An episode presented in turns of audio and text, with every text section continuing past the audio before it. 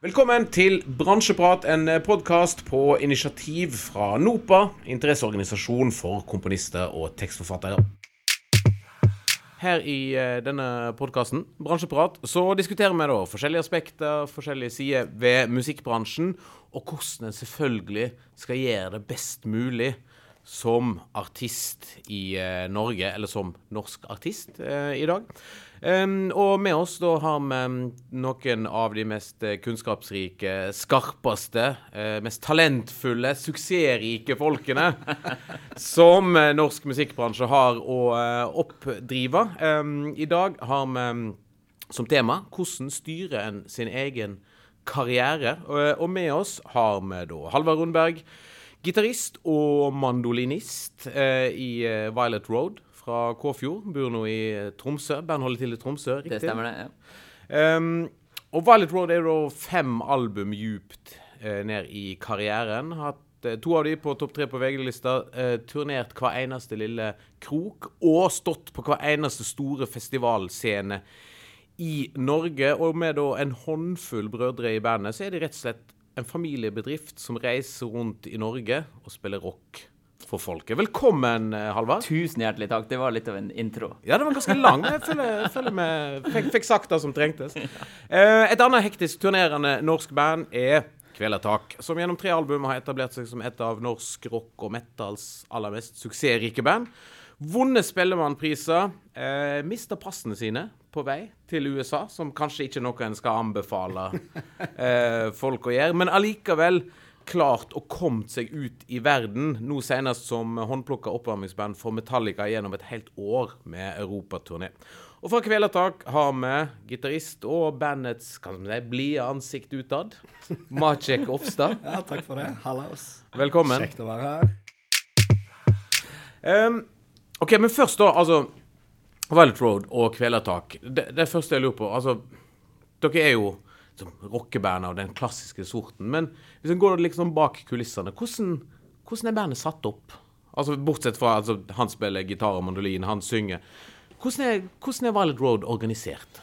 Ja, eh, vi er jo eh, organisert eh, Vi fant ganske fort ut at vi, vi ville være et eh, aksjeselskap hvor eh, vi sjøl var eierne.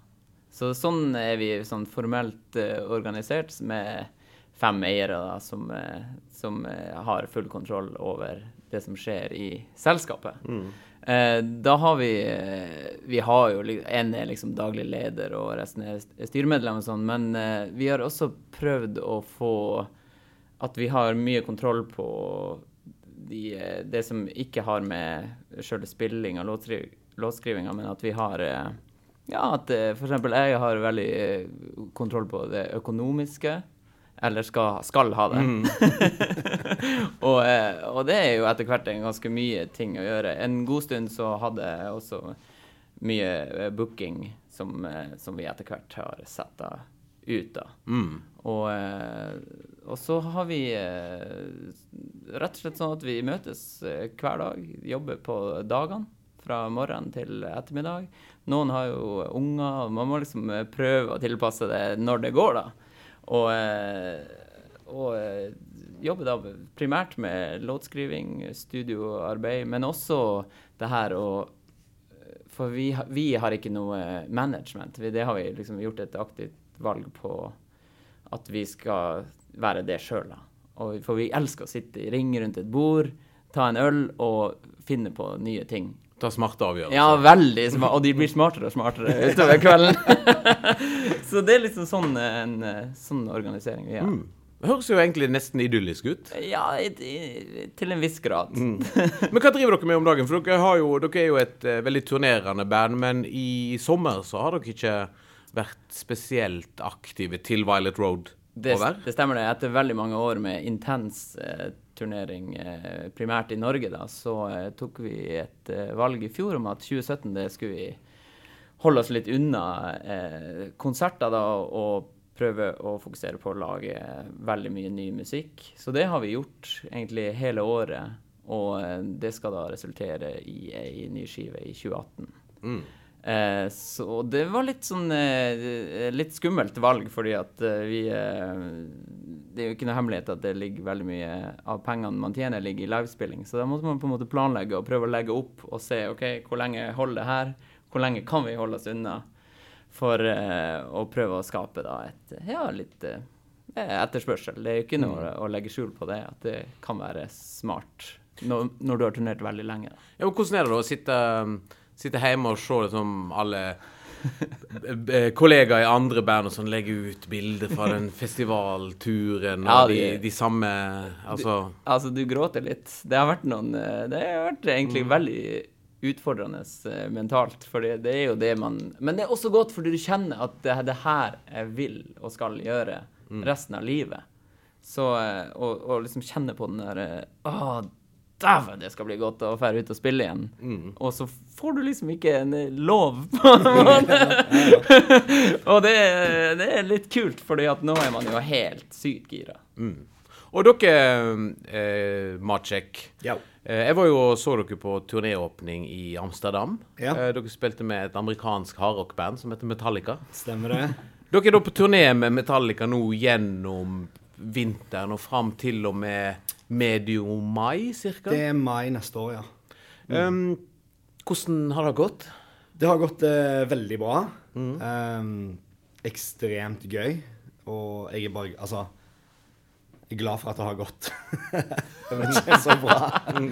Jeg var ekstremt nervøs uh, fram mot den turneen. Det, uh, det, er jo den aller største turneen Kvelertak har vært på.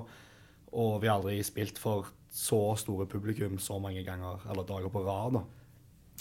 Um, og Nei, som vi uh, preika litt om før podkasten begynte her, med det tekniske og sånn, at jeg var mm. veldig redd for at alt skulle Eller at ting ikke skulle funke, da, for hvis noe går galt med den scenen, så er det litt flaut.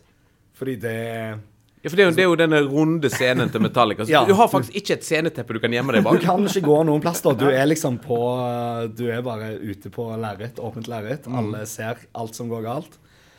Um, og, men det er liksom Jeg trodde jeg kom til å hate det sceneformatet, men eh, det er ekstremt moro å spille på den scenen der. Um, man får så god kontakt med publikum. Ingenting er liksom så veldig langt vekke, da. Mm. Metallica har klart å lage en arena-gig til å bli litt klubbete. Altså så mm. klubbete som det kan la seg gjøre, da. Men så er det jo noen fallgruver. Altså, James Hetfield falt jo i ei av de. ja, ja. ja, det gjorde han jo. Eh, hva, hva, har vært den største utfordringen for dere med å da, altså, gå på før Metallica, et av verdens største band? Eh, det er en masse store tekniske utfordringer med en annerledes scene. Altså, hva, hva har vært, eh, hva har vært det, det vanskeligste? Det vanskeligste var jo eh, Eller først og fremst før turneen så hadde vi veldig mye Vi måtte gå igjennom da sånn eh, utstyrsmessig for å få det til å fungere på den turneen, så er vi nødt til å være 100 eh, selvforsynt eh, teknisk, da. Så vi måtte legge om eh, alt som vi har til nå, altså utstyr og sånn. Og vi får ikke lov til å ha kabinetter på scenen, f.eks. Og mikke opp det tar for lang tid, fordi changeoveren er jo bare på en halvtime.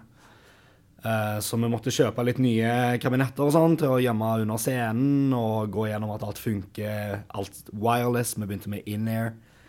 Uh, og ja, det var vel de tingene som var skummelt. Og når du da kommer og liksom skal fremføre den første konserten med fullstendig nytt utstyr, så er det litt skummelt. Nå hadde vi to prepro-dager på Vulkan Arena, da, og det gikk bra sånn. Mm. Man håper jo på at ting skal gå bra, men det er litt sånn der Man slapper ikke av før det har gått bra et par ganger. Så det er, det er ikke akkurat 30 stykker i salen heller, så det Nei, sant. Det, Uff. Nei, det var vel det skumleste. Og så var det dette med å naile det formatet som de holder på med. da. Det var veldig Ja, altså round stage ja. under scenen. Ja. Mm. Hvordan vi skulle gjøre det. Fordi jeg syns i hvert fall at Kvelertak leverer best når vi er en vegg av lyd, og liksom du ser det er så mange folk på scenen. Det er en del av det Altså Ja, noe med det som gjør det liksom ekstra virkningsfullt, da. At det er mm. liksom ekstra heavy, ja. skal man si det. Men jeg synes dere, må se, da, eh, som sagt, så dere i Amsterdam, og jeg er ganske imponert eh, at dere tok, eh, tok, både publikum og scenen. Det virker som om dere hadde gjort det veldig lenge. Det var det som var så gøy, da. Mm. Fordi plutselig så var det Det var liksom bare skummelt i to minutter, og så mm. var det gøy i 38 minutter. Mm. og siden det så har det bare vært gøy hver dag. Ja. Så. Ah, nydelig. Nå må vi begynne å spille sånn på Rockefeller. Ja, Ja, ja. ja. se Kommer med, kommer med roundstage på kroa i Bø. Nei, det er Kvelertak. Vi, vi, vi spiller ikke på sånn vanlig Nei. scene lenger. Med, altså. Det er ikke plass Det er ikke plass lenger. Selger 20 billetter fra nå av. Eh, men uh, som, som uh, eh, vi snakket om i stad med, med Halvard eh, Altså, Kvelertak er jo, det er jo et klassisk rockeband, men det er jo òg en, en, en bedrift på Ja. tur. Hvor- Hvordan er dere satt opp? Altså Bortsett fra nå har dere fått in-air, dere har blitt vant til roundstage. Men når Excel-arkene skal fram Ja, Excel-arkene skal fram. Da er vi akkurat som eh, dere, at vi òg er et AS. Og, eh, men vi er på en måte på den andre skalaen, der, hvor dere har sittet og hatt eh, kontroll på ting hele veien, og nå nylig fått booking, sa du? Nei, ikke nylig. Nei, okay. Det, det er fire-fem år siden. Ja. Men eh, for vår del så har vi hatt management hele tiden fra begynnelsen, og, og kanskje Vi har turnert så mye at når man kommer hjem, så er det så lett å bare skru av. Og med det så har vi ikke hatt liksom helt eh, ah, Vi har jo hatt koll. Ja. Men eh, det ing- vi, vi setter oss ikke rundt et bord og tar et møte om liksom de tingene, da. Før vi nylig, da, det siste året, så har vi liksom skjerpa oss og faktisk begynt å ta litt kontroll over egen eh, sjappe, istedenfor å bare la andre rundt oss gjøre det. Jeg begynte å ringe kontofonen og sånn. ja, ja, ja, sant. Nei, men, men hva, var, det, var det en sånn spesiell ting som Eller noe spesielt som gjorde at dere måtte skjerpe på de greiene, eller var det bare en sånn ting som kom naturlig? Det er vel bare at man innser Altså, dette er jo det vi gjør. Kvelertak har liksom vært eh, hovedjobben min nå siden 2010. Og, og da må man liksom være litt uh, alvorlig på det, da. Ja. Vi har liksom bare spilt i rockeband og, og hatt det fett på tur og dratt på turné. Men når det kommer til liksom det skal, jo gå, det skal jo gå, dette også. Man kan ikke bare si vi gønner på med pyro gjennom hele sommeren, fordi det, det ser fett ut med pyro, men det ser ikke så fett ut på det Excel-arket da, når du kommer på slutten av sommeren og innser oi, shit, da hadde jo ikke råd til pyro. Her sant? var det jo fyrverkeri som en kinesisk landsby. Altså, det er litt de tingene der, da, generelt bare ta kontroll over egen bedrift. bedrift. Det er jo veldig viktig. Ja, var, var det, altså Når dere begynte å ta kontroll over sånne ting, som du sier, var det noen spesielle ting du ble overraska over at Kvelertak AS brukte så masse penger på? Nei. Eller jeg, altså, jeg fikk kanskje litt bakoversveis over hvor dyrt en turnébuss er. Men eh, det sier seg jo sjøl, det er jo en buss. altså, det koster masse penger. Men når vi hadde Altså, har du en buss gjennom en hel sommer, da, Ja. så er det, det er sjukt mye penger. Ja, det er sjukt mye penger. Ja, det er jo busselskap en kanskje skal starte hvis en virkelig skal tjene penger i eh, Ja. Det har vi òg vært litt innom, sant. Søsterselskap. Ja, men, men det er kanskje Det går under de dumme ideene, da. Ja. ja, vi bør bare kjøpe en egen buss. Du bør ikke det. Du Nei, er det, bussjåfør. det, det, det er en horribel idé. Ja, det er det. Og idet det den går, eh, det går gærlig med den bussen, og Ja. du er på tur i den bussen Da er det greit å ikke eie den, da. Akkurat det.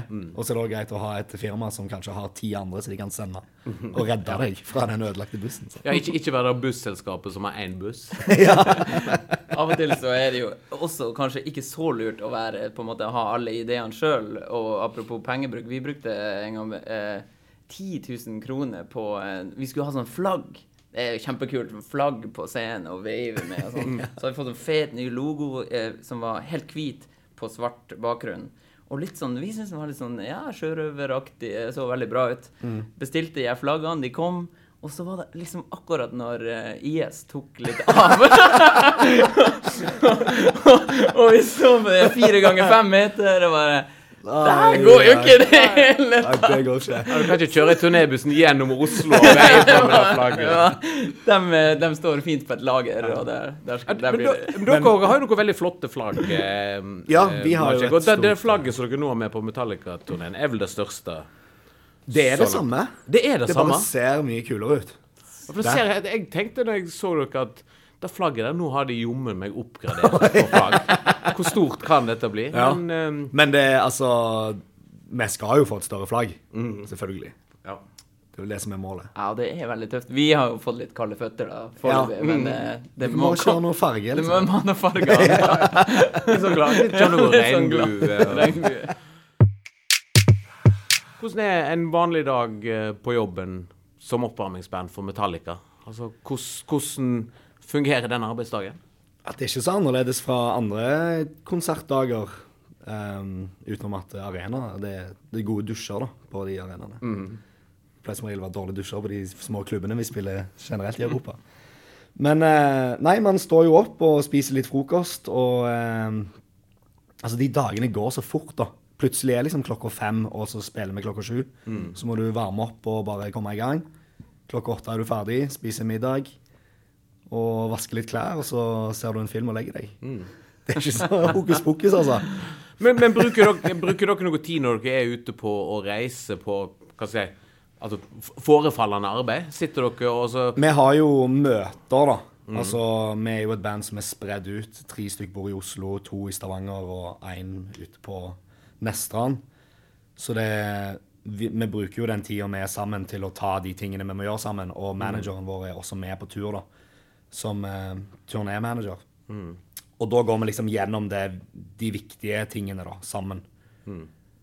Og eh, ja, og, ta, og ta de valgene som må tas da, til neste turné, eller hvordan gikk eh, eksempel sommeren i år, da.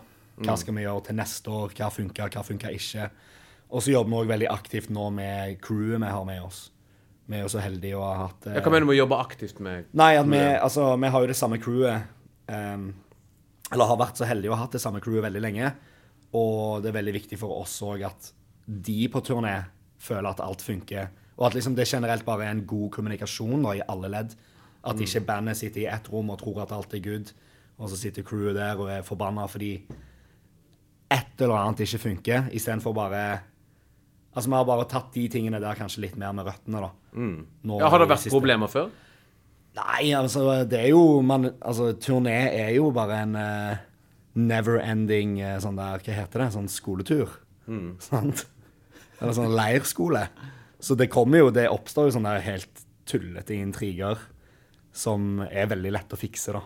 Det har aldri vært noe sånn megastress. Er det sånn i kategorien sånn du tar aldri korken riktig på Ja. tannkremtuben? Ja. Det er ned til det nivået av og til. Men eh, misforstå meg rett nå, da. Det, det er jo mer at, liksom, at alle forstår den kommunikasjonen som blir gitt. da. At alle er på samme side hele veien og vet hva vi holder på med, og hvor vi skal. Istedenfor at eh, Ja, i vår camp så har ting veldig lett for å på en måte ose litt ut, da.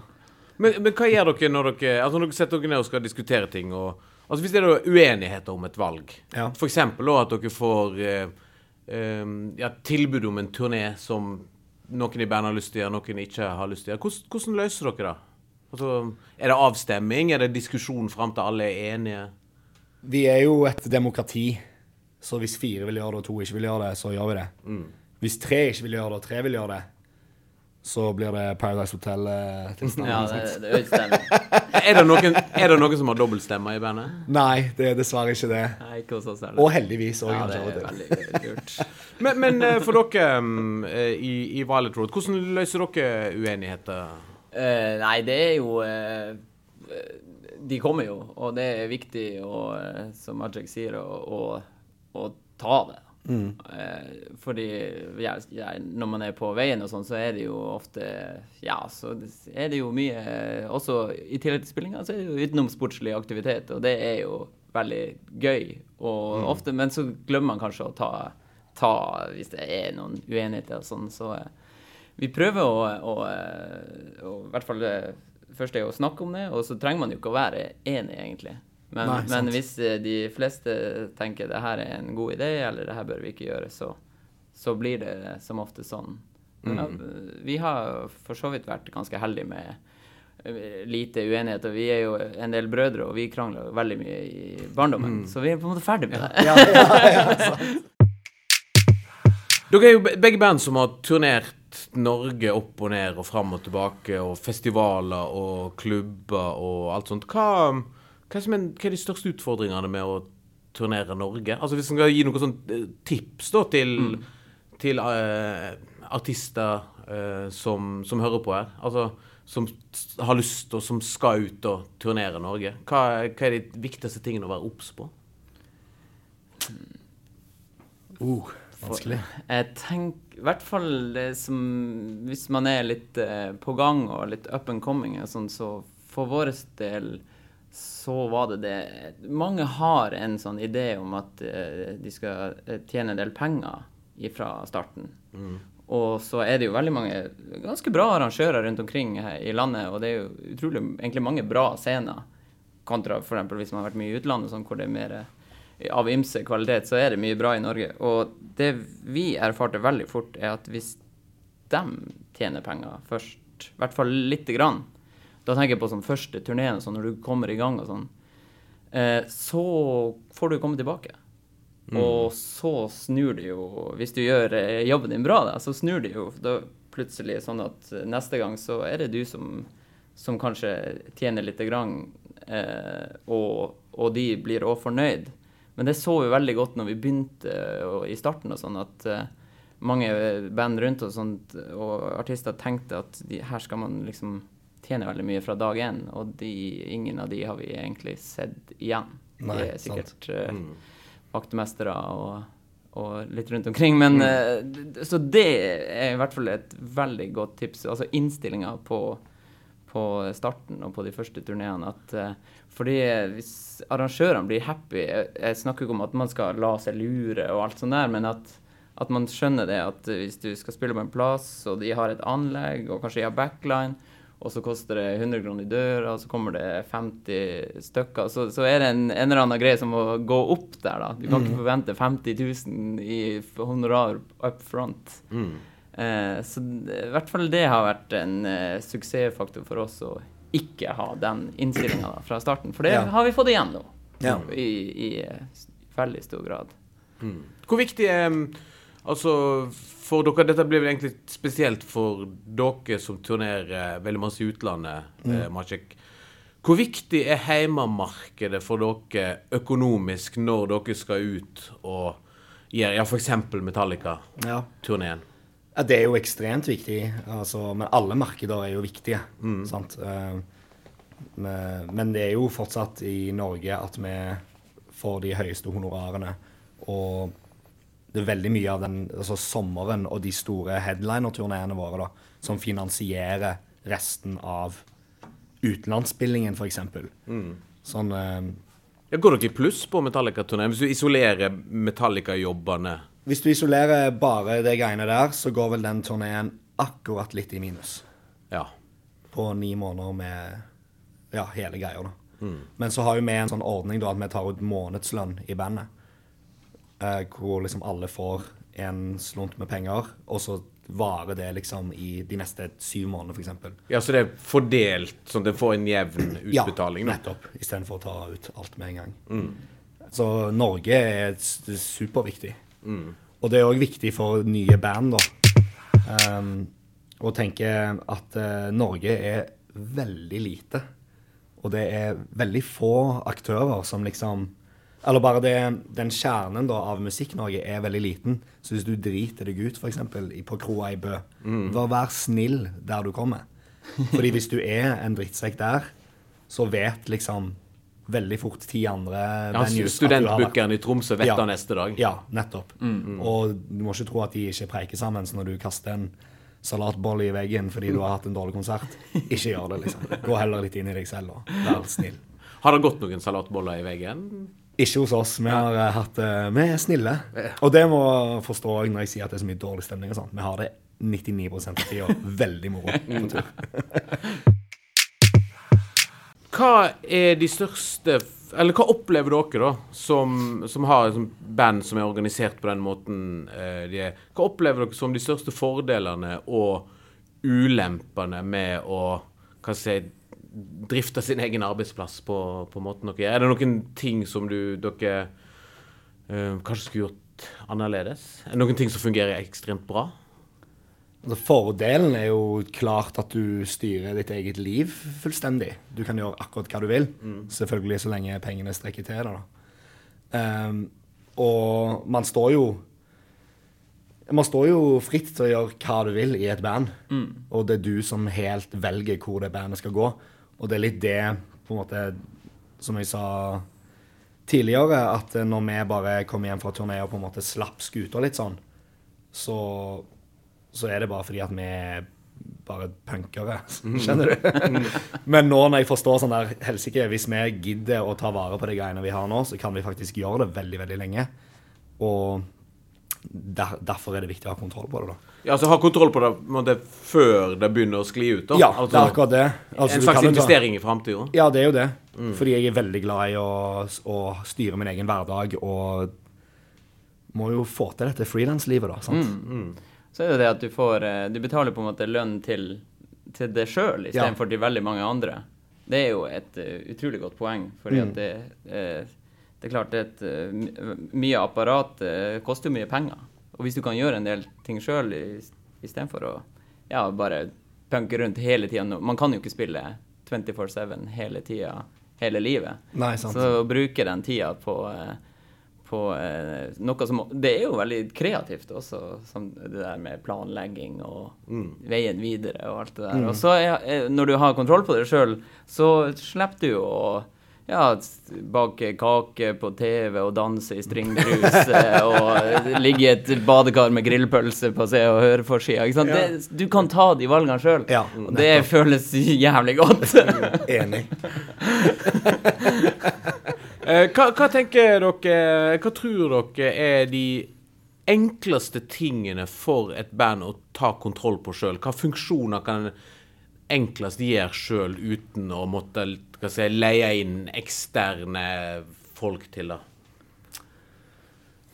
Det er jo altså promo, i hvert fall i oppstartsfasen, er jo veldig enkelt å gjøre sjøl. Internett eh, gir deg jo det på et sølvfat. Du må bare gidde å gjøre det. Og liksom eh, følge det opp, da. Eh, og så kan det jo Altså, dere driver jo med management selv. Så lenge man Altså, det koker jo ned til at man skal gidde å gjøre det. Sant? Og at du har en som er sterk nok eh, eller skarp nok i huet da, i bandet, som faktisk kan gjøre det ordentlig. Og det har ikke dere, sier dere. Nei, jeg tror ikke det. Eller jo, vi har jo det, men altså, det, er jo, det er jo sine fordeler med å ha management også. Altså, på det tidspunktet Vi hadde jo et sånn år i fjor Ja. hvor vi bestemte at eh, nå skal vi bare kule ned, skrive skive og ta det, ta det med ro. Det blir jo aldri sånn, selvfølgelig. Man, vi får jo bare kaste turneer på oss hele veien. Men det, da skulle vi liksom roe ned da for første gang. Fram til det så har jo vi turnert 250 dager i året, og det er ganske Altså, Når jeg da kommer hjem fra 250 dager turné, så tar ikke jeg opp laptopen og begynner å liksom crunch kvelertak numbers, altså. da er det sykt digg at eh, han kisen der borte bare gjør det. Ja. Sant? Og det er litt der vi har eh, vært på managementfronten nå, at vi trenger det fordi vi er så ekstremt mye ute og spiller. Ja. At vi må ha en fyr som bare strømlinjer alt, da. Ja. Mm. Som igjen da blir jo en investering i bandets ve og vel, Ja, egentlig. Vi definitivt. gjør det. Ja. Vi har også, og det kan man virkelig gjøre, for det er veldig interessant eh, som band sjøl å sette opp liksom Ja, hvis du har gjort 100 jobber, da, så sette opp alle jobbene med hvor mange folk, og hva det kosta, og hvor mange som kom, og hva du eventuelt fikk eh, i, i forhånd, og prosent av, eh, av cutten etterpå. Og da ser du veldig fort eh, veldig mange eh, spilleplasser, særlig på klubb, da, hvor, hvor du må fylle huset to ganger for å gå i pluss. Og, og det, det er Ja. jævlig interessant, fordi at eh, når du tar med liksom eh, crew og kanskje bil og reise og alt sånt, og legger inn absolutt alt bare bortover, bortover på Excel, Ja. så, så kommer det til slutt et tall, og så, og så viser det seg da at det er en plass hvor det var liksom helt stappfullt hus og sånn, og sinnssykt bra stemning, sånn, stappet du 40 000. Ja, ikke sant? Og det, det tenker du ikke på eh, da, etter konserten og sånn. Og, og jeg sier ikke at det gjør noe, det er ikke sånn at du skal tjene penger alltid, men det er veldig interessant å se for, for bandet. At det ikke er en manager eller noen som sitter og ser, men for bandet sjøl, liksom. Å, ha, å eie det der. Det, det forholdet til det man driver med Ja. utover mm. konserten, for det er inspirerende. Det inspirerer det skikkelig til OK, men neste gang så må vi gjøre det annerledes på den plassen.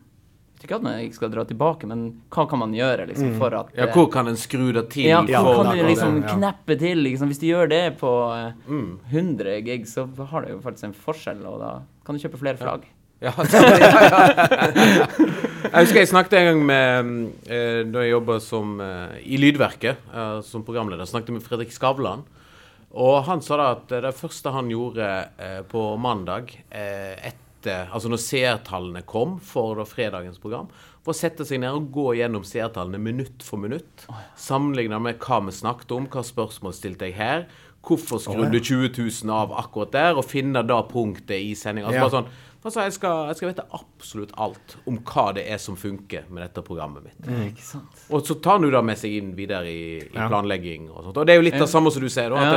en, en, at en, av og til så kan en jo føle at noe er en suksess, men det trenger ikke bety Nei, nei, Nei, at det har at, vært at, det. at, at det er f.eks. en økonomisk nei. suksess, da. Så det, og det, men det jeg lurer på For det, at, eh, det har vi aldri tatt eh, liksom, eh, kontroll på sjøl. Er det her med mm, Dere har gjort en veldig seriøs preprod nå, på en 40 minutts gig. Har, er det noen som, eh, som på en måte har hjulpet dere, sagt noe om sjøle showet?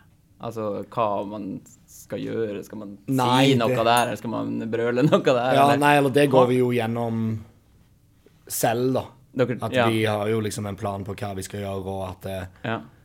Ehm, ja, på det punktet i den låten så bruker vi den siden av scenen på den her firkanta scenen. Ja, og at blir- Erlend har sine cues i løpet av settet, fordi Bare for å gjøre det mest effektivt mulig, da. Vi har jo bare 40 minutter på dette oppvarmingssettet. Mm. Men på hvert eneste, hvert eneste settliste vi har, så går vi liksom gjennom sånne cues, da. ja. Um, og ja, litt tilbake til det du sa med hva kan nye band gjøre lett sjøl. Det er jo å ha gode ideer, vil jeg si. Og bare få de til Altså, sitter du på gode ideer og får de til liv, så blir det kult, da. At um, Men når skjønte dere i Kvelertak at f.eks. at et liveshow trengte litt struktur? Og litt, eh, litt ja, ideer og planlegging? Ja. For det var jo ikke Eh, Jeg må innrømme at de, de, ja, Eller liksom, vi har jo aldri Vi har jo Jeg vet ikke, hva, hva skal man si? Vi, vi, vi har jo alltid Jeg tror vi har vært flinke Jeg tror at vi har vært flinke til å liksom sette opp låtene. Og liksom eh, dynamikk og sånn, at vi har vært smarte der. Men vi er jo fem rabiate tullinger helt framme der, og én trommis. Og og liksom alt det der greiene, og liksom å ha litt sånne Hva skal man si, da? Skal man kalle det moves på scenen? Er det lov? Ja, er det lov? Jeg vet ikke. Men liksom Ja, man har bare lært seg eh, til det, da. Men det har jo kosta en gitar og ti i trynet. Før man innser at OK, akkurat på denne låten her, så kanskje jeg står der, fordi da kommer Bjarte sin gitar og slår meg i hodet. ja. Gang på gang. Så lærer man det, da. Så har det liksom blitt Så, så lærte jo da James Hetfield at han skal ikke gå ett steg bak Ned i hullet. på, eh, på låt nummer seks ned i hullet. ja. Ja, ja. Ja, Altså, han røyk eh, Det var, kunne gått galt den Det kunne dagen. gått der. veldig galt. Ja. Det så ikke godt ut. Det som var morsomt, var Dette var jo første konserten. Og vi hadde et lite uhell selv, hvor Bjarte gikk på ræva. Ja, det så jeg. Så det. ja, for han, ble bare, han ble bare liggende og sprelle fram til det kom en security Ja, eller et eller annet ja. stagehand opp og løfta han opp. Og så jeg bare, han lå jo litt som sprella som en reke. Ja. Hva var det som skjedde, egentlig? Nei, det var snubla. De hadde ikke teipa når, når vi spiller, så ruller de ut sånne tepper, da. Så vi har jo ikke de hullene og sånn. Ja. Eh, Så de ruller ut tepper for å liksom holde scenen clean. Uh, og så hadde ikke noen teipa en sånn der eh, skjøte fra et teppe til et annet, så han fikk hælen oppi der og gikk på trynet. Så vi preika jo om det på backstage etterpå, at sånn, å shit, det var dumt. Uh, men òg usedvanlig morsomt, at selvfølgelig så skal du dette på ræva. På første, På første gang ja. Ja, ja, ja. og så en time etterpå så detter James Hetfield ned i et hull. Og da, tenk, da var det liksom litt sånn synergi uh, Ja. i det hele, da. Kunne dere bonde, da? Eh, jeg tror, han sa det til han uh, i Paris. Jeg Ja. tror det var god stemning. I also fell. I also, I also actually you know myself. Me and you. We're not so different, you and me.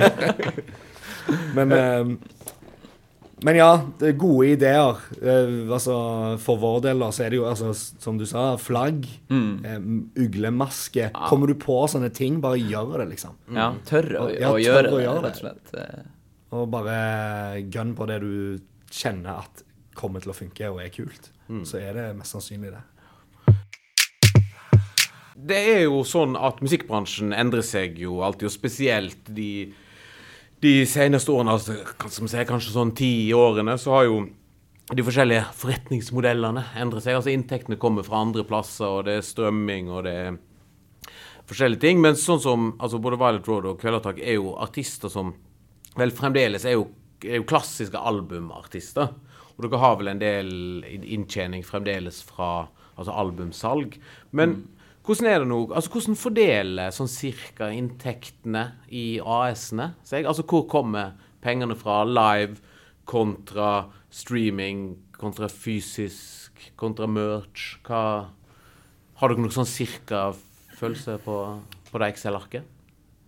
Eh, For vår del så er det i all hovedsak livespilling som er den største bulken.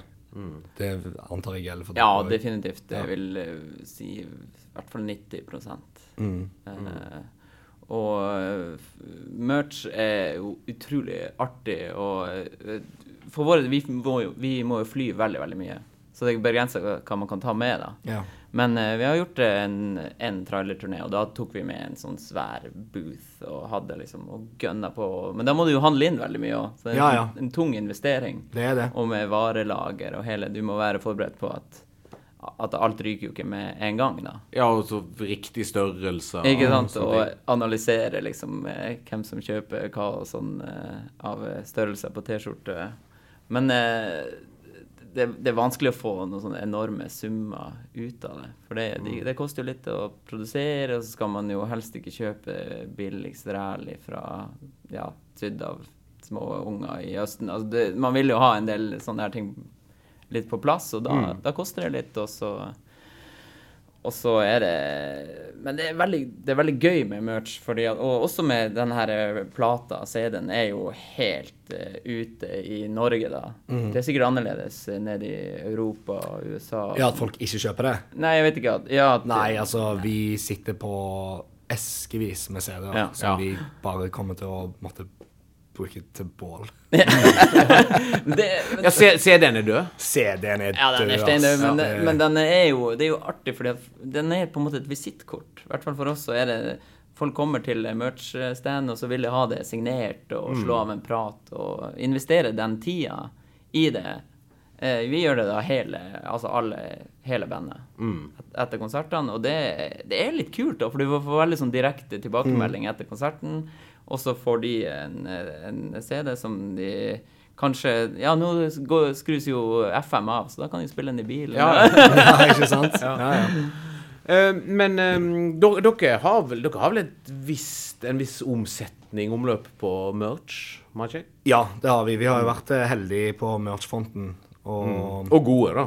ja, vi, det er jo det som er tilbake med gode ideer, da. At, mm. Bra vi har jo to, ja, Erlend og Marvin i bandet, er veldig flinke til å hooke tak i liksom designere de liker, eller liksom eh, eller whatever, og komme med kule ideer, og så får vi det på en T-skjorte, og så har det funka veldig bra, da.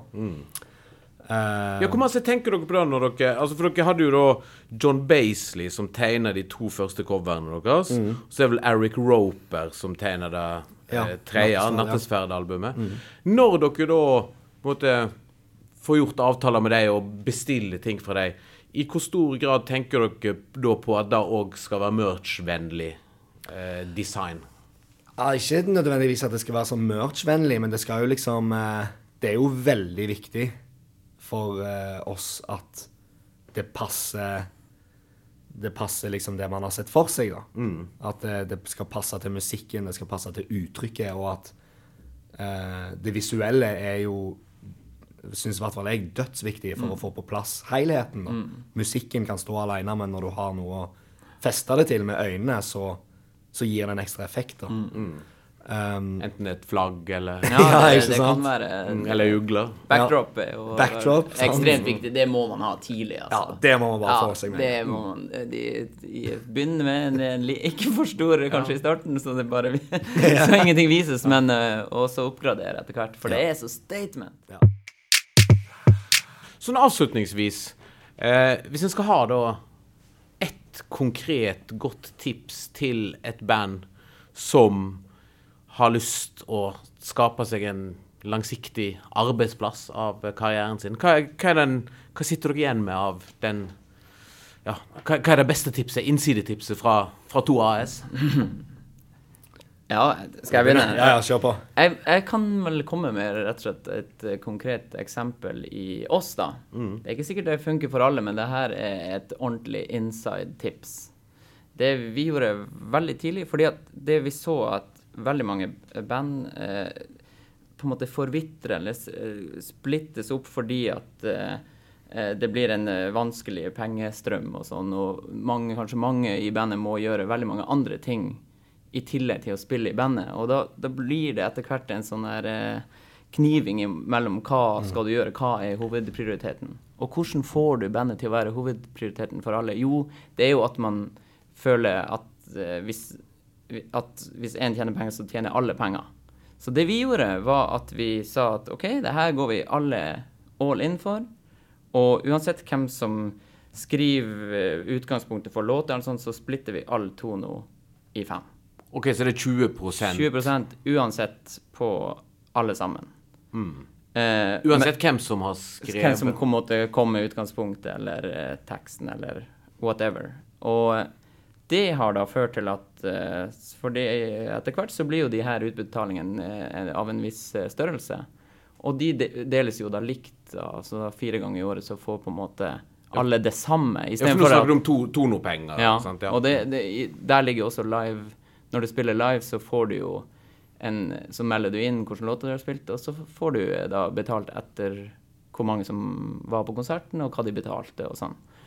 Og det har vært en enorm suksessfaktor for oss. For da trenger du ikke å springe til nærmeste pub og spille coverlåter på søndagskvelden imellom eh, slagene. Da. At noen må gjøre det, og så må noen gjøre noe annet, og så blir det veldig ufokusert. Eh, Bortsett fra akkurat når du spiller, hvis det er bare da du skal få penger fra bandet. Da. Så det vil jeg si er, et, Det er et eh, modig valg, men det har funka utrolig bra for oss. Så det, må, det kan man tenke igjennom når man setter seg ned og OK, hva vil vi med det her? Hvor langt skal vi dra det? Og hvor langt skal vi gå i lag? Men det fordrer jo at uh, selv om kanskje én skriver de fleste låtene, at alle andre da bidrar med alle de andre tingene. Studio? Ja, jeg backer det 100 Det er sånn vi gjør det, vi også. At, Sier det? eh, ja, at vi deler alt likt, uansett hvem som gjør hva, og hvem har hatt den låten. Og, og liksom tanken på det er jo akkurat som du sier, at alle investerer all sin tid i det her. Vi er så mye vekke og spiller, og alle vil det like mye. Og det hadde ikke funka hvis alle seks ikke var de vi er, sant.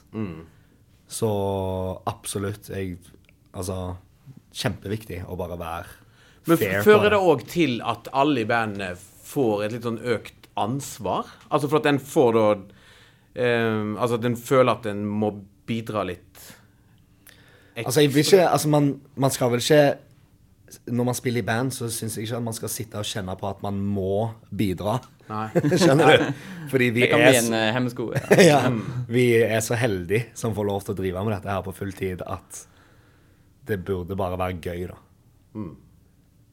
Men det høres ut som det er kjempegøy. Det er ekstremt. Det, er, det er helt Altså, man klipser seg både her og der hver morgen altså, for, at, for at man eh, får lov til å gjøre det. Ja, og, og så får man lov til å gjøre det fordi at man har gjort en, eh, en sykt bra innsats uh, Ja. sjøl, og det kjenner man litt på, og så blir man litt sånn yes, Mm. og så har man bare lyst til å gønne på videre. Da lar vi det være siste vakre ord eh, her i eh, podkasten eh, i dag. Takk til eh, Halvard fra Violet Road og Macek fra Kvelertak her hos da Bransjeprat, en podkast som ble lagd på initiativ fra NOPA, eh, interesseorganisasjon for komponister og tekstforfattere av musikk. Og i dag så kan vi vel òg si at det høres kanskje ut som Brønnøysundregisteret òg har vært eh, inne som sponsor av, eh, av podkasten. Eh, veldig interessant, eh, veldig hyggelig. og Lykke til videre, begge to, med både låtskriving og livespilling og Excel-ark. Takk for det. Tusen takk. Takk for at vi fikk komme. Og tusen takk til Grammart, som òg har vært med å sponse denne episoden av Bransjeprat.